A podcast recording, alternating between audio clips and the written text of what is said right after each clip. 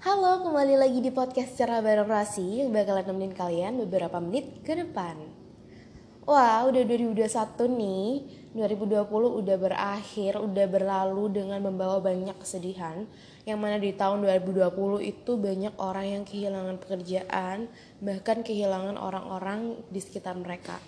Kayak teman-teman aku yang kehilangan orang-orang yang mereka sayang di tahun 2020 ini bener-bener tahun 2020 ini tahun yang berat bagi banyak orang sih.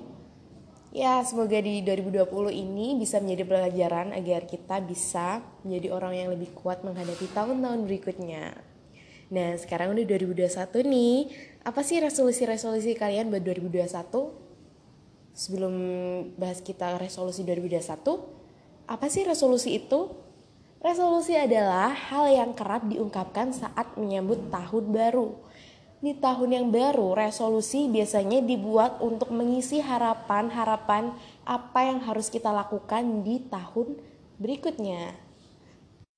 Tapi banyak juga orang yang gagal mencapai resolusi yang udah dia tetapin karena lupa, teralihkan atau bahkan nyerah gitu aja. Padahal resolusi bukan hanya sekedar daftar rencana, tapi resolusi adalah sebuah aksi yang harus kita jalanin. Ada sebuah studi yang dilakukan oleh Richard Wiseman dari Universitas Bristol menunjukkan bahwa 88% dari mereka yang memiliki resolusi di tahun baru gagal mewujudkannya. Padahal 52% dari responden yakin pada awalnya bahwa mereka bisa mewujudkan resolusi-resolusi tersebut. Nah, kalau udah denger banyak ironi tentang resolusi tahun baru, menurut kalian resolusi itu tetap penting atau enggak sih? Untuk beberapa orang yang beranggapan bahwa resolusi awal tahun itu tidak begitu penting, mereka memilih menjalani hidup bak air yang mengalir. Jadi mereka hidup itu ya dijalanin aja, yang penting kita udah melakukan yang terbaik. Daripada ada resolusi tapi ujung-ujungnya gak kewujud juga. Selain itu, sebagian orang yang lain yang beranggapan bahwa resolusi itu penting, mereka beranggapan bahwa resolusi berguna untuk menambah semangat juang dan memperkuat tekad dalam mencapai target yang diinginkan. Selain itu, resolusi juga menjadi sumber kebahagiaan sederhana bila ada salah satu daftar impian-impian kita yang terlaksana gitu. Jadi, sebenarnya untuk resolusi itu penting atau enggak itu sih masalah selera aja sih gimana kita menjalani hidup kita gitu Nah, kalian termasuk tim yang beresolusi atau tim yang beranggapan bahwa resolusi awal tahun itu kurang penting? Kalau aku sih, aku termasuk tim yang beresolusi tapi tetap santuy. Di sini aku bakalan ngasih kalian beberapa tips untuk mencapai resolusi kalian. Yang pertama adalah langkah kecil. Mari kita mulai resolusi kita dengan langkah yang kecil. Kita boleh bikin banyak resolusi, tapi ingat kita harus tetap memperhatikan realitas.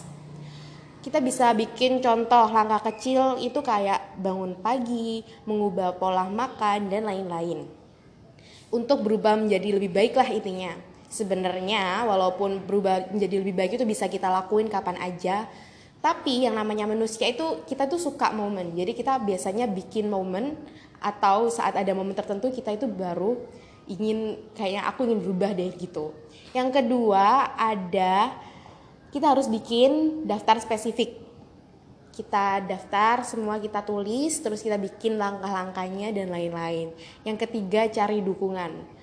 Boleh banget kok kita ngasih tahu resolusi kita ke orang-orang sekitar kita biar kita dapat support. Yang keempat buat tenggat waktu. Ini sih yang paling penting menurut aku karena apa? Kalau nggak ada tenggat waktu ya namanya manusia kita ada males kita ada capek dan lain-lain. Dengan adanya tenggat waktu ini kita bisa lebih tertib lah intinya. Yang kelima reward. Kita boleh banget kok kasih reward atas pencapaian yang udah kita lakuin dalam hidup kita tujuannya agar kita lebih semangat yang keenam adalah sabar jadi sabar sabar berproses lakukan yang terbaik sampai sampai resolusi-resolusi kalian itu bisa tercapai gitu.